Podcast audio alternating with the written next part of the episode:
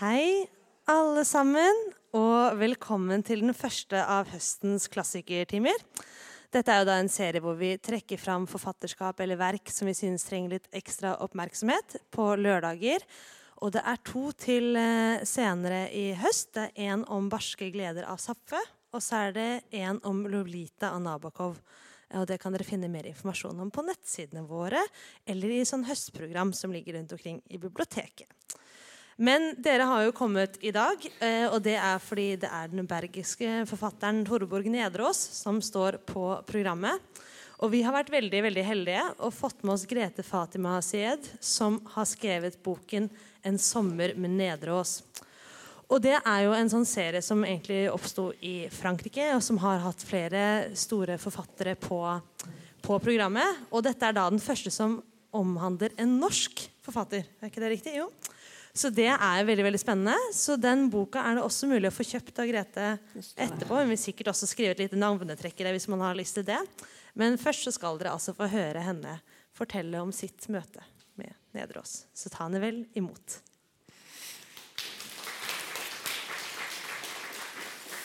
Tusen takk for det. Jeg eh, skal fryse den der. Nå skal den forhåpentligvis bli stående, så ikke det blir flimrer og forstyrrer forbi. Det er et av mine yndlings... Nei, den stoppet ikke. Den kan altså bare gå. Det gjør egentlig ikke så mye fordi at Jeg syns ikke den er veldig forstyrrende, men eh, kanskje Prøve å stoppe den der, da. Vi ser det. Det som jeg hadde tenkt å begynne med å si Først tusen takk for at jeg fikk lov å komme her. Jeg har vært her før på biblioteket, ikke i denne nydelige salen her, men eh, inne i den andre avdelingen.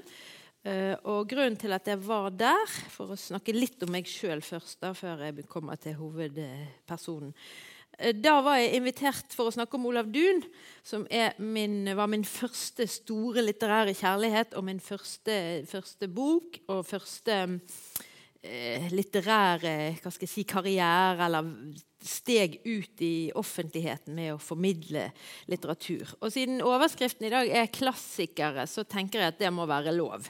Og siden jeg er i, i Trondheim, så må det være ekstra, ekstra lov, syns jeg. For det er noen um, sammenhenger der. Jeg skal ikke si så mye om Dun i dag, men jeg skal si eh, litt grann etter hvert, kanskje. Og så skal jeg også si eh, Nå sa jo han at det går an å kjøpe boken. Og det gjør det. Jeg har også noen par av Dun-boken min med. Og så skal jeg eh, komme med den siste lille reklamebiten som da fører oss sømløst over i Torborg Nedreås sitt liv og forfatterskap. Og det er at eh, Begynnelsen på mitt engasjement med Nedreås det var at for noen år siden så kom det ut en bok som het 'Fast plass'. Og den handlet om eh, eh, hvor mange eh, statuer det fantes av kvinner sammenlignet med hvor mange det fantes av menn. Og Ingen blir jo sannsynligvis overrasket over å høre at det var relativt mange flere av det ene kjønnet. Eh, en opptelling ble gjort, eller Flere opptellinger ble gjort, og i Bergen der var det altså flere statuer av ja, vi La oss si den mest berømte bergenser. Da, eller I hvert fall den mest statuifiserte bergenser. Nemlig Edvard Grieg. Det var flere statuer av Edvard Grieg enn av samtlige navngitte kvinner til sammen. Altså. Fem av Grieg. Fire av alle kvinner. Og av de var det flere som ikke hadde kommet seg opp på den sokkelen ved egen hjelp, bl.a. konen til en biskop som fantes på en, en relieff. Eh, og Santa Sunniva, som er litt mer sånn mytologisk skikkelse. Men i hvert fall fire kvinner med navn. Fem Grieg. Og gjett hvor mange buekorpsgutter? Seks. Og det er klart at det er ikke noe Sånn kan vi ikke ha det. Så eh, når jeg begynte å jobbe med Nedreås, så var det sånn at vi satt og snakket om dette. Og så spekulerte vi jo hvem kvinner skulle vi hatt på sokkel i Bergen. da. Og da var jo hun helt naturlig en av de som eh, ble nevnt. Derfor så stiftet vi Torborg Nedreås-selskapet, som det går an å melde seg inn i. Jeg har en sånn liste. Det er helt gratis. Man får noen flotte nyhetsbrev der vi eh, har fått eh, forfattere og andre som kjente, eller som traff Nedreås i levende live til å skrive og fortelle om det. Da får man det i e-posten sin. Annet har Cecilie Løveid fortalt, og Tove Nilsen har fortalt om sine møter med, med Nedreås. Uh, og så var det da at jeg fikk spørsmål om å skrive en bok i denne serien. Så dette er en uh, lett og liksom skal være, i hvert fall det var målsettingen og bestillingen, lett underholdende og litt om livet, litt om tekstene, litt om tiden vår i dag. Hvordan kan vi forstå dette i dag? Og sånn og sånn. Mens jeg hadde bare denne store, tunge boken bak meg på merittlisten om en stor og tung uh, trønderforfatter. Uh, Så det har vært veldig spennende for meg å, å gå den veien uh, og se noen innlysende forskjeller mellom de to. F.eks. at Nedrås var hele sitt liv en offentlig person. Hun elsket å uttale seg, hun elsket å prate. Hun holdt åpent hus hver helg for forfatterkolleger og radikaler. og sånn. Hun sa en gang at 'jeg mener like så naturlig som jeg puster'. Mens Olav Duun levde veldig privat, veldig adskilt fra offentligheten. Vegret seg enormt, selv når han ble spurt helt direkte om å uttale seg om utviklingen i Europa i mellomkrigstiden, og sånn og sånn, så, så, var han så kryptisk og tilbakeholden at han egentlig på en måte sa ikke noe, selv om han svarte på spørsmålet. Um, samtidig så er det noen likheter. Begge har skrevet veldig flott om, om stedene de kom fra. Begge fortsatte å skrive om stedene de kom fra hele livet, egentlig. Og veldig nydelige, vakre beskrivelser, veldig sanselige. Veldig mye øh, dufter og vær og skiftende omgivelser. Men begge forlot også stedene de kom fra. Dun forlot Gjøa og bosatte seg i Holmestrand.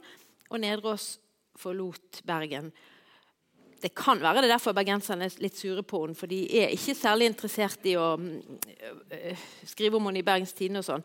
Men hun forlot i hvert fall Bergen og bosatte seg på Nesodden utenfor Oslo. Så Det som litt sånn bakgrunn og uh, historien for at jeg skrev denne boken, og, og hvordan det har vært for meg. Mm. Jeg har blitt invitert kjempemange steder for å snakke om Nederås. Og det er utrolig kjekt. I går var jeg i Groruddalen litteraturfestival. Som er jo da Oslo liksom drabantby. Jeg hadde aldri vært i Groruddalen før, selv om jeg har vært i Oslo mange ganger. Men um,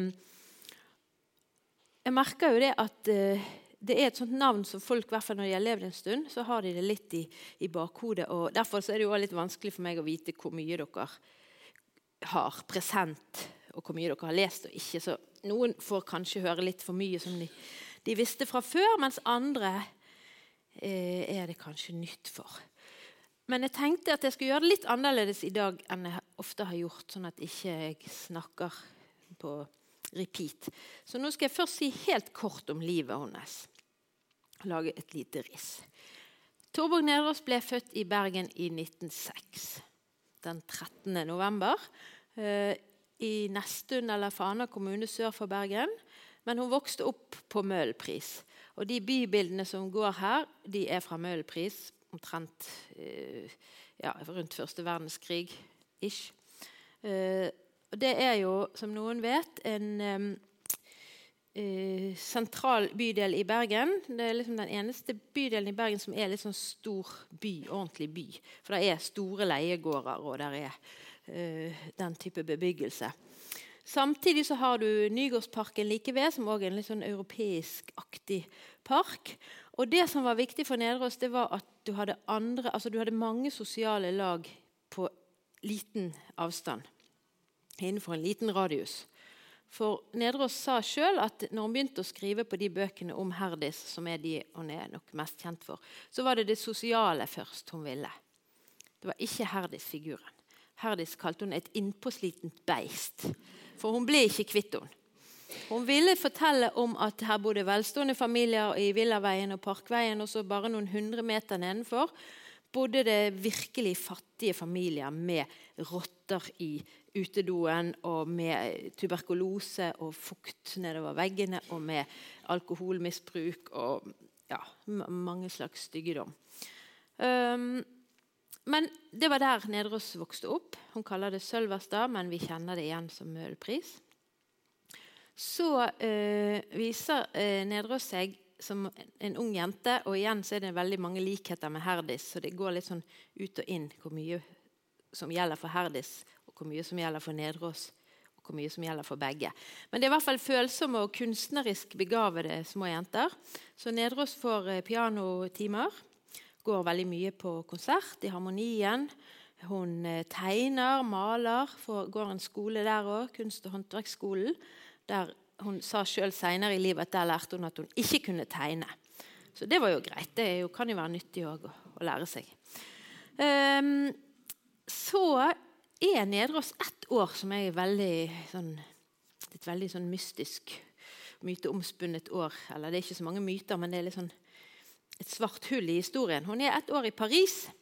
Og det er jo et um, sted som um, veldig mange nordiske og skandinaviske kunstnere drar til. På, dette var på 1920-tallet. Men ingen vet helt hva hun gjorde der. Eh, For Det fins ingen biografi om Nedreås, og, det er veldig få kilder til eh, hva hun Hun har sagt senere at hun drev dank. Det er mulig hun var au pair. eller noe sånt. Sannsynligvis var hun ikke i kontakt med noe kunstnermiljø av betydning. Jeg har i hvert fall prøvd å spørre flere andre litteraturforskere og biografforfattere, og sånn. men ingen vet helt det. Eh, vel tilbake i Bergen gifta Nedreås seg i 1930 med en forretningsmann, en borger, som het eh, Nikolai Kidding. Og som visstnok var det vi på Bergen sier, et skikkelig rævhold. For han eh, var både eh, en skjørtejeger og en hustyrann og kanskje en eh, konemishandler og en eh, utro eh, dritt. Han var, altså Alle kilder til hans person går ut på at han var ikke noe kjekk i det hele tatt. De er heller ikke gift særlig lenge. I åtte år er de gift, og da får de to sønner. Da nærmer vi oss andre verdenskrig. For mens Herdis-bøkene begynner i tiden rundt første verdenskrig, og er veldig, Nedros er veldig opptatt av det Jeg nevnte så vidt miljøet, men hun er også opptatt av eh, altså det, tiden, det vi kaller jobbetiden.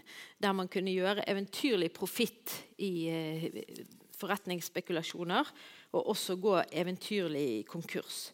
Det lar Nedreås um, Herdis sin far opplever. og hun beskriver dette miljøet både med skipsredere og ja, den type folk. Men når vi nærmer oss andre verdenskrig, så oppstår en annen uh, tematikk. For da viser det seg Eller det viser seg jo for så vidt ikke, for det har jo vært klart for de, men jeg har ikke nevnt det før nå, at Nedre sin mor var halvt jødisk. Og Bergen har jo aldri hatt noen virkelig sånn stor jødisk eh, befolkning eller miljø eller gruppering. Men de følte seg jo i alle fall ikke trygge. Så Nedreås og moren flyttet da til Stord, som ligger noen timer sør for Bergen. Bodde der ø, under krigen. Eh, og der var det virkelig stritt. Det fins flere noveller av Nedreås. Nedreås var jo kanskje først og fremst Eller hun har sagt at hun var novellist av legning. At hun sjøl i i romanene sine lager hvert kapittel med en slags det hun kaller den ovale form. Hun vil liksom at det skal åpne på en måte som om du ikke hadde lest kapitlene før, og hun vil at de skal avsluttes på med liksom, De skal ikke bare gå kapittel etter kapittel. Uh, disse krigsnovellene er det flere som beskriver da, en, en, enslig mor med to sønner som lever virkelig Jeg tror vi kan godt si at det ikke bare er på sultegrensen, men det er over sultegrensen. Der de uh, sniker seg ut om natten, disse to guttene, og stjeler poteter opp av åkeren hos noen litt mer velstående nabobønder. Graver potetene opp og spiser de rå. Altså De spiser nesten jorden, for de er så innhulige i kjakene. og rett og slett eh, veldig, veldig, veldig kummerlige forhold. Og En av de som jeg har snakket med på Stord, en gammel mann som heter Johan Belsvik, han eh, kjente eh, Han er nå godt over 90 år og kjente disse sønnene under krigen. Og Han forteller det at Nedrås eh, var en kjent skikkelse, for hun var en slags bohem. Hun var en radikaler. Hun var en veldig egenartet person. Han Belsvik sa det at hun eh, var et fullstendig fritt menneske. Og hun, spurte, hun spurte aldri om råd hos andre enn seg sjøl, sa han. Men det er klart hun vakte oppsikt. Hun levde alene med en mor og to sønner. De gikk i fjøren og plukket rekved, omtrent eh, plukket mat. altså De rodde fiske, og hun var jo helt sånn uh, trellete i hendene. Men når hun da rodde inn i Leirvik, som er senteret på Stord, så steg hun i land i en utslitt, gammel herrefrakk og gikk altså barbeint oppover gaten i Leirvik, for de hadde ikke sko. Men hun uh, det var én ting hun ikke ville fire, fire, på, og det var tobakken. Så hun gikk barbeint og i herrefrakk ekstravagant røykende oppover gaten. Og dere ser jo på noen av bildene òg at hun, hun er kjent eh, for dette her eh, sigarettmunnstykket og liksom en, en, sans for de godene òg. Selv hvor eh, fattigslig og, og kummerlig livsvilkårene er, så skal man ha ja, skal ha eh, siameserkatt og gjerne noe østers, hvis det er mulig å oppdrive. Så da er vi kommet til andre verdenskrig.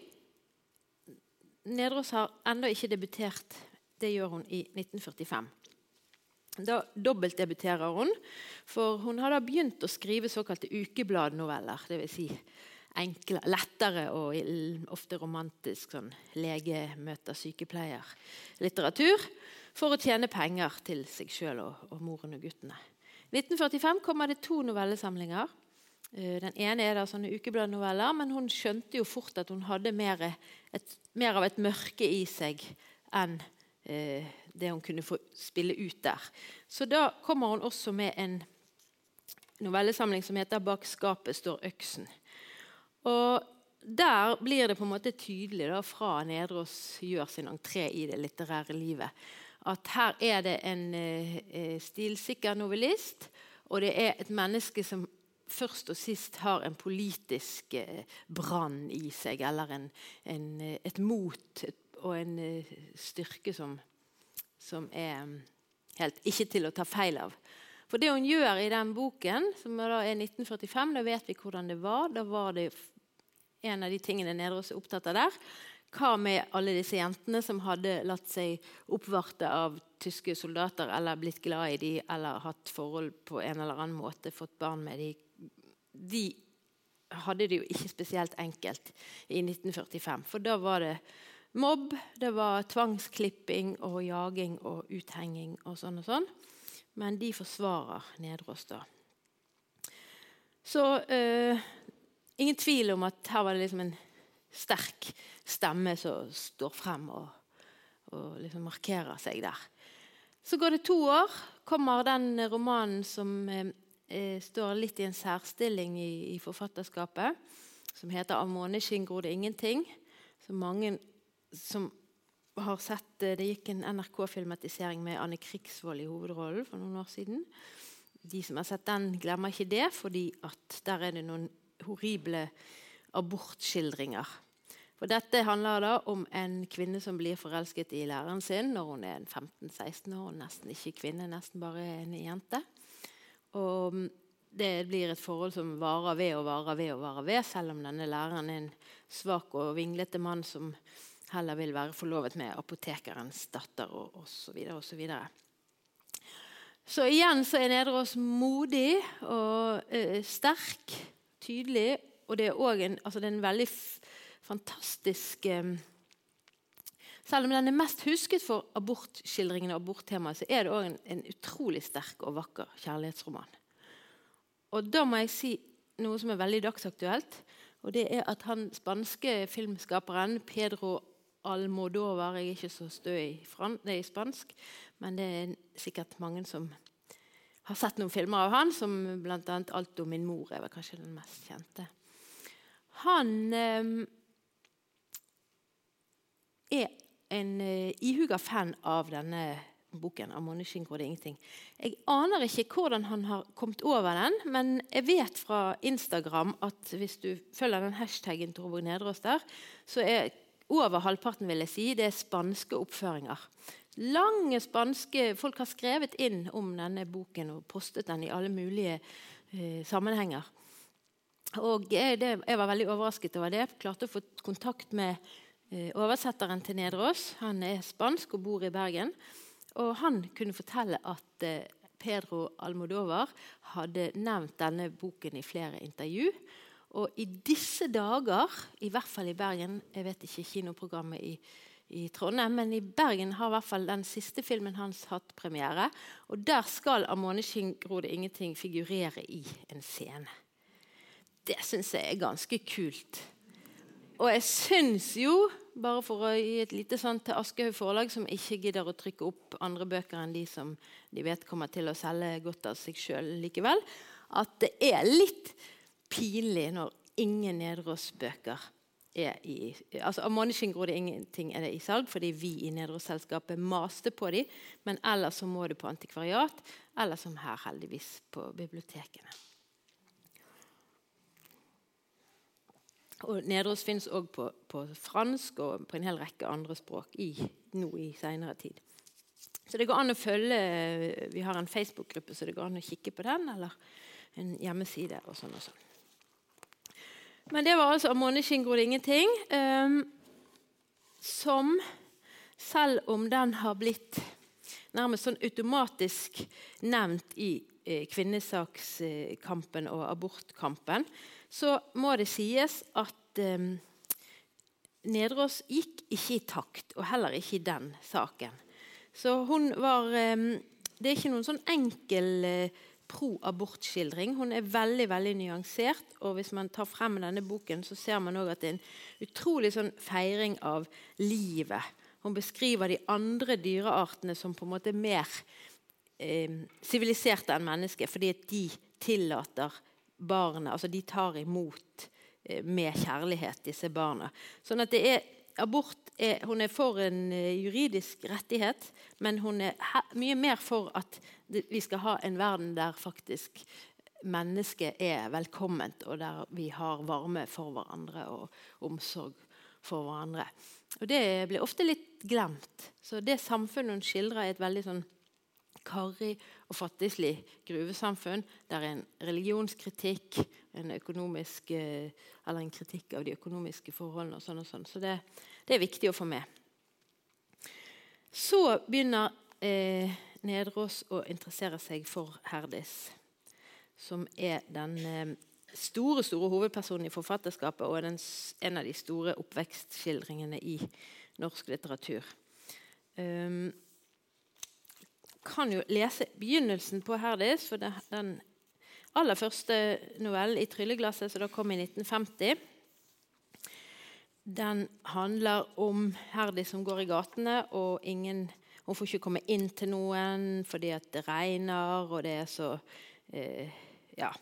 Hun er ensom og litt utafor. Hun er litt sånn sosialt klønete også, Herdis. Sannsynligvis fordi hun er enebarn og ikke har liksom den treningen som alle de andre. Det er jo store søskenflokker. Så går hun der litt alene. Men jeg syns den er veldig fin, så da får dere en smakebit på lille Herdis som traver rundt i gatene på Sølverstad og funderer litt, som hun gjør veldig ofte.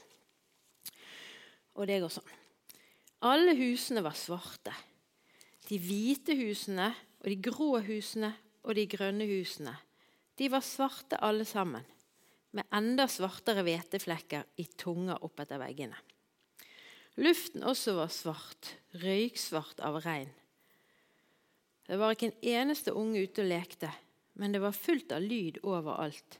Gatene var tette av all slags lyd. Rennesteinen gikk skumhvit og stri som en elv, og fra takrennen fosset vannet ut. Merkelig nok, når en sto med munnen åpen og ansiktet løftet for å drikke regn, kom det bare en og annen dråpe inn i munnen. Men derimot vasket det over hele ansiktet og rant ned gjennom halsåpningen. Herdis rakte tungen ut så langt hun kunne. Men si om det ville regne på den, enda hele verden var et øs av regn. Så Det er litt sånn typisk Herdis. Um, hun er en sånn undrende og veldig sanselig eh, inntrykk, dette her med at det er lyd overalt. Det går igjen i alle bøkene. Herdis hører f.eks. i den andre boken, som heter 'Musikk fra en blå brønn', så hører hun at det er en dame som synger i bekken. Det er jo helt forunderlig og magisk. Og selvfølgelig musikken som stiger opp fra den blå brønnen, er veldig tiltrekkende for henne.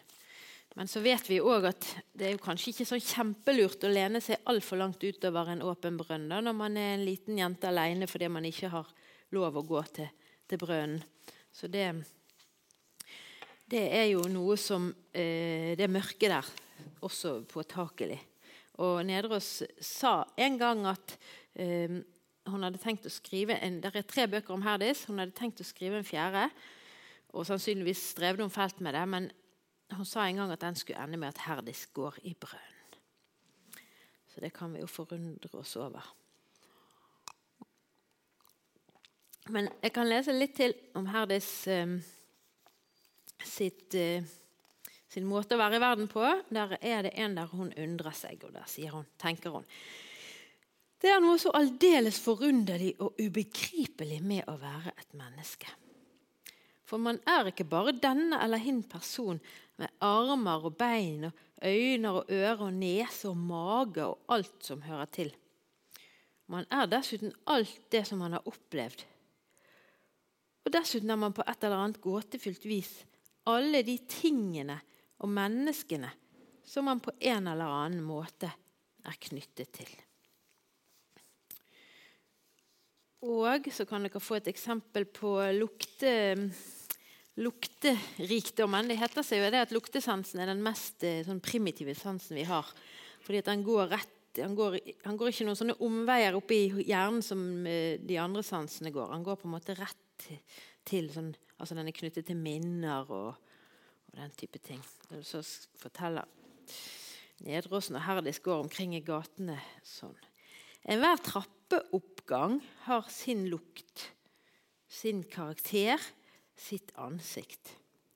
Den tar farge av alle dem som lever sitt liv innenfor de lukte entrédørene.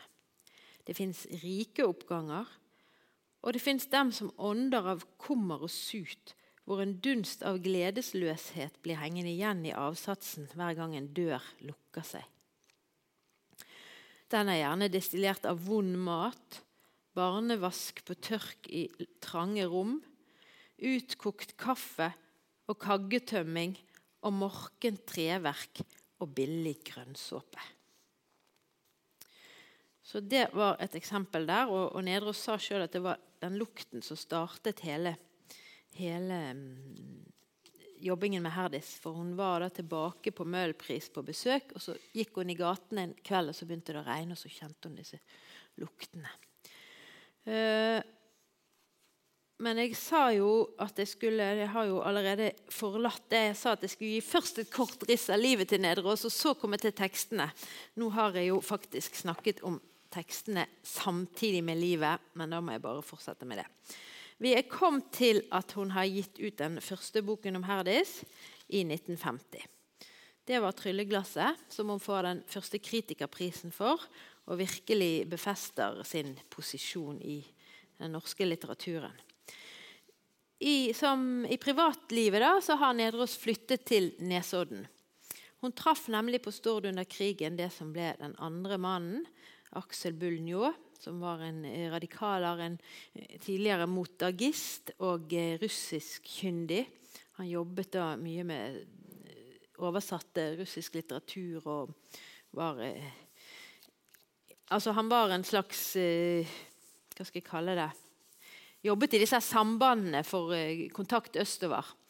Eh, og De fant hverandre, fant tonen, og giftet seg og flyttet inn i eh, et hus på Blylaget på Nesodden. Som de kjøpte av enken, nei, ikke enken, den fraskilte konen etter Arnulf Øverland. Så det var et litterært hus.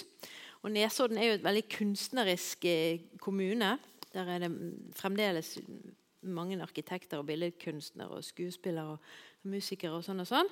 Så der holdt de et, et et rikt Altså, de hadde åpent hus. Det var selskapeligheter. Det var, I ukedagene var det jobbing, i helgene var det alle var velkommen fra Oslo. Det gikk båt. Her ser dere det bildet som gikk forbi nå. Det var med Bunnefjorden der i bakgrunnen.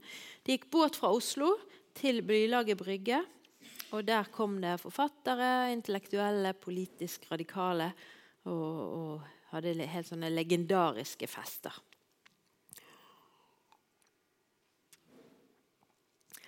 Um, så jobber Nedreås videre med Herdis-bøkene. 'Musikk fra en blå brønn' kommer i, i ca. ti år seinere. Og ti år seinere der igjen kommer den siste boken om Herdis, som heter 'Ved neste nymåne'. Da er Herdis blitt 15-16 år, og eh, temaet mot slutten der er om hun skal konfirmere seg eller ikke. For igjen så er det nok noen likheter mellom Herdis og forfatteren. Det er liksom idealene. Herdis nei, jeg tror ikke på Gud. Alle gjør det bare for pengene, for gavene, fordi de vil ha en, et fint selskap og sånn og sånn. Nye klær. Det er mye snakk om nye klær. Um, og det kan ikke hun gå med på. Så er det på den annen side så er det jo selvfølgelig veldig kjekt å få nye klær. I hvert fall når man ikke kanskje har så mye som, som, vi har i dag. Og det er jo fint å ha et selskap. Og her er sin bestemor. Hun har ikke, vært, hun har ikke spist and på 20 år, står det. Eller 15. I hvert fall, Hun har jo gledet seg noe helt utrolig. Så Herdis blir da dratt mellom eh, forpliktelsen og Det hun egentlig tror på innerst inne, og det alle andre forventer av henne og syns er fint og kjekt og hyggelig. og sånn og sånn. Så ender det da til slutt med at um, hun har bestemt seg for ikke å konfirmere seg. Hun driver moren uh, på veggene, men det er dette med bestemoren, som er jo blitt som en ung jente med og, ny kjole og nye knapper hoppestøvletter og hva det nå er, alt sammen nytt undertøy. Så det ender med at hun, hun eh, kommer hjem, og så sier hun til mor ja, OK, da skal jeg skal gjøre den der konfirmasjonen. Så lukker hun seg inne på rommet alene, så da er det bare vi som lesere og Herdis igjen. Og da står det at hun snerrer for seg sjøl. Bare vent, snerrer hun. Bare vent, dere. Så det er klart at Med en sånn avslutning så var det jo mange som forventet seg at det skulle komme et, eh, et siste bind om Herdis. Men det gjorde det ikke. Kanskje har det eksistert et manuskript en gang. Eh, jeg avslutter min bok med å si at den, den siste boken om Herdis blir du nødt til å dikte selv. Og det er ikke på en måte min idé, eller det er jo min idé, men, men det spiller på at Nedros mente veldig sterkt at alle barn er kunstnere, og alle barn har kunstneriske anlegg. Og hvis vi hadde ikke blitt avlært det når vi, når vi vokste opp, så um, hadde vi vært det fremdeles. Altså hadde vi vært det vi kaller kreative. Da.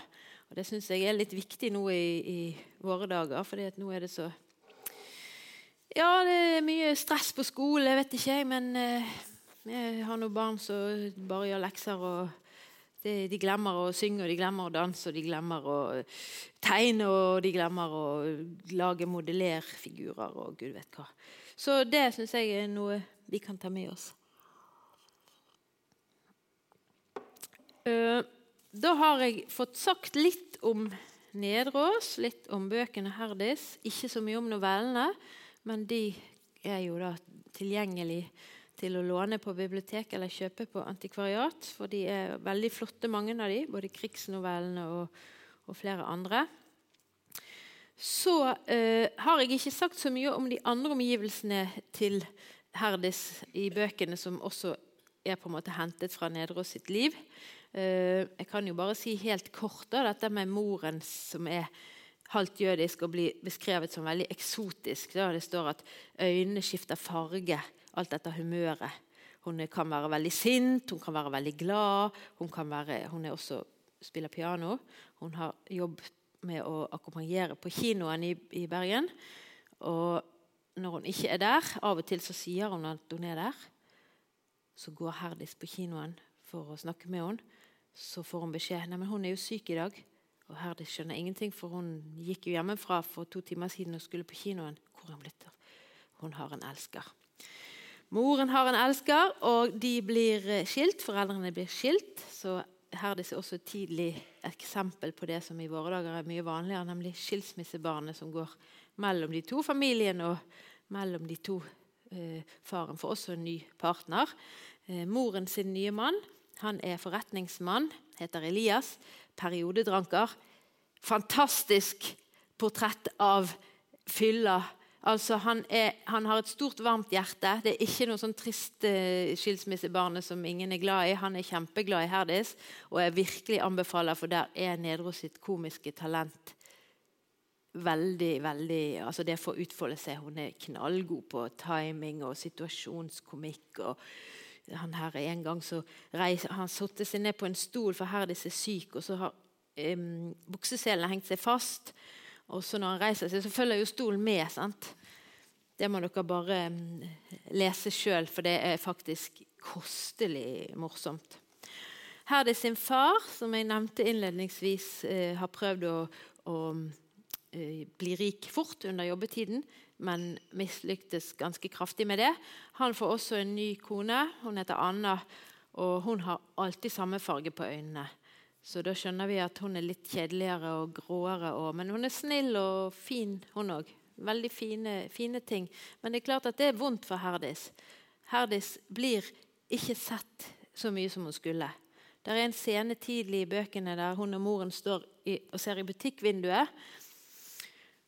Og inni den butikken så står det en nydelig med sånn metall og håndtak. og former og farger en nydelig dukkevogn som Herdis ønsker seg til jul. Den står Herdis og sikler på, mens moren hun står og speiler seg og ser om hatten og sløret og sminken og pudder og hva det nå er, er som det skal. Så det er veldig sånn tydelig eh, avstand mellom de. Moren ser ikke Herdis.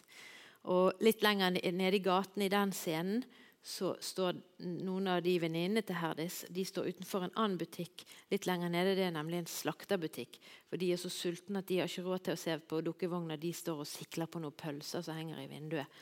Så det er veldig, også veldig flott beskrevet. Um, så der hun liksom, faller hun litt mellom stolene med moren. Det samme skjer med faren. Etter at hun har vært syk, så sier faren at de to skal reise til København. Han vil glede Herdis, for de har hatt det vanskelig seg imellom. Så nå sier han du, meg og deg, Herdis, vi skal reise. Vi skal ta en tur sammen til sommeren. Vi skal reise til utlandet. Vi skal reise til København. Og så viser det seg jo da på en nokså hjerteskjærende, rørende måte at det har jo faren glemt. Det var jo noe som trøste når hun lå syk og hadde feber. og, og sånn og sånn.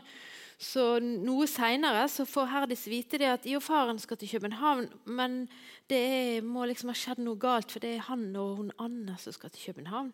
Og hvor kom Anna inn i bildet? Og sånn og sånn. Og så, eh, så er de liksom til og med så sjenerøse at de tilbyr Herdis at hun skal få være med. Og det er klart at det blir jo noe helt annet enn det hun hadde, hadde forestilt seg. Så litt der om, om familien til Herdis. Der er også besteforeldre, som jeg så vidt har nevnt. Men jeg skal ikke si mer om det nå, tenkte jeg.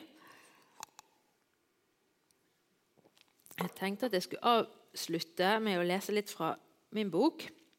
Fordi at når jeg forberedte dette her, eh, foredraget, så tenkte jeg på det stikkordet med klassikere. Så tenkte jeg ja, skal jeg gå inn i det liksom sånn akademisk, teoretisk? Hva er en klassiker?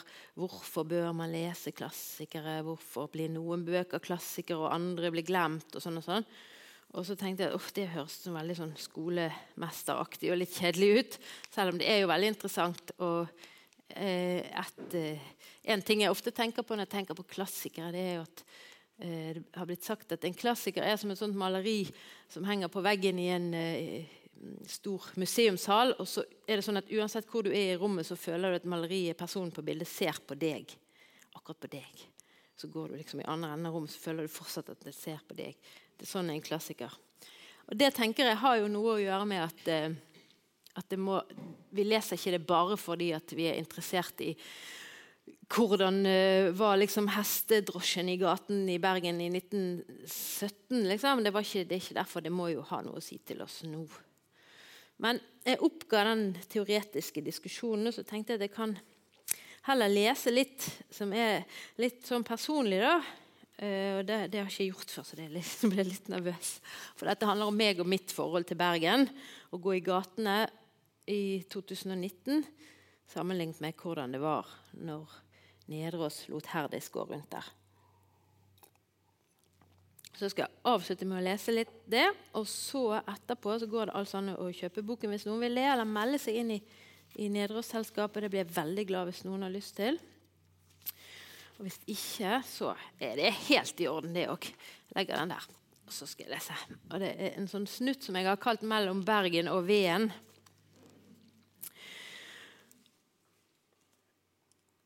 Som bergenser ser jeg byen min på en annen måte når jeg leser Nedreås.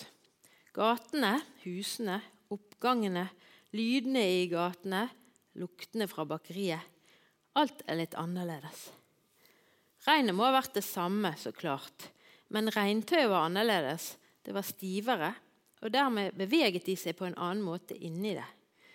Regndråpene må ha hørt annerledes ut når det traff det, og man ble helt sikkert våt og kald under det på en annen måte. Det er litt annerledes å gå gjennom Nygårdsparken når jeg vet at Herdis har gått her. Eller Nedreås, da. At hun kanskje satte føttene sine akkurat der jeg setter mine, selv om gresset er et annet, og grusen. Jeg vet at fontenen ikke er den samme, men det var en fontene der da også. Gjerdene langs dammene har vært malt. Hvor mange ganger? I hvilke farger? Og trærne, hvor mye mindre var den kastanjen der og rododendron? Var treet med harpeformet også da? Det kjennes litt annerledes. Jeg blir rykket ut av min daglige tralt og ser detaljer på husfasader som jeg ikke har lagt merke til før. Og når jeg først ser litt, så ser jeg mer. Jeg bretter skuldrene bakover og trekker pusten dypere enn på lenge. Da kjenner jeg lukter også. Av buksbom, av hegg og av noe jeg ikke vet hva er.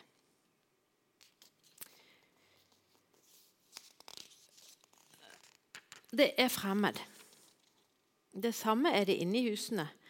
Der har de en hushjelp som setter middagen på bordet og tar den ut igjen etterpå og det serveres pale, sild og rogn stekt i hvalfett. Ikke karri, vårruller og lasagne.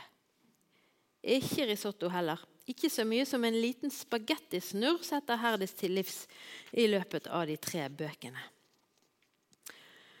Jeg ser det på en annen måte. Jeg ser mer. Teksten som beskriver hus og gater for 100 år siden, gjør meg observant for hvordan hus og gater ser ut nå. Jeg får øynene opp for sammenhenger, likheter og forskjeller.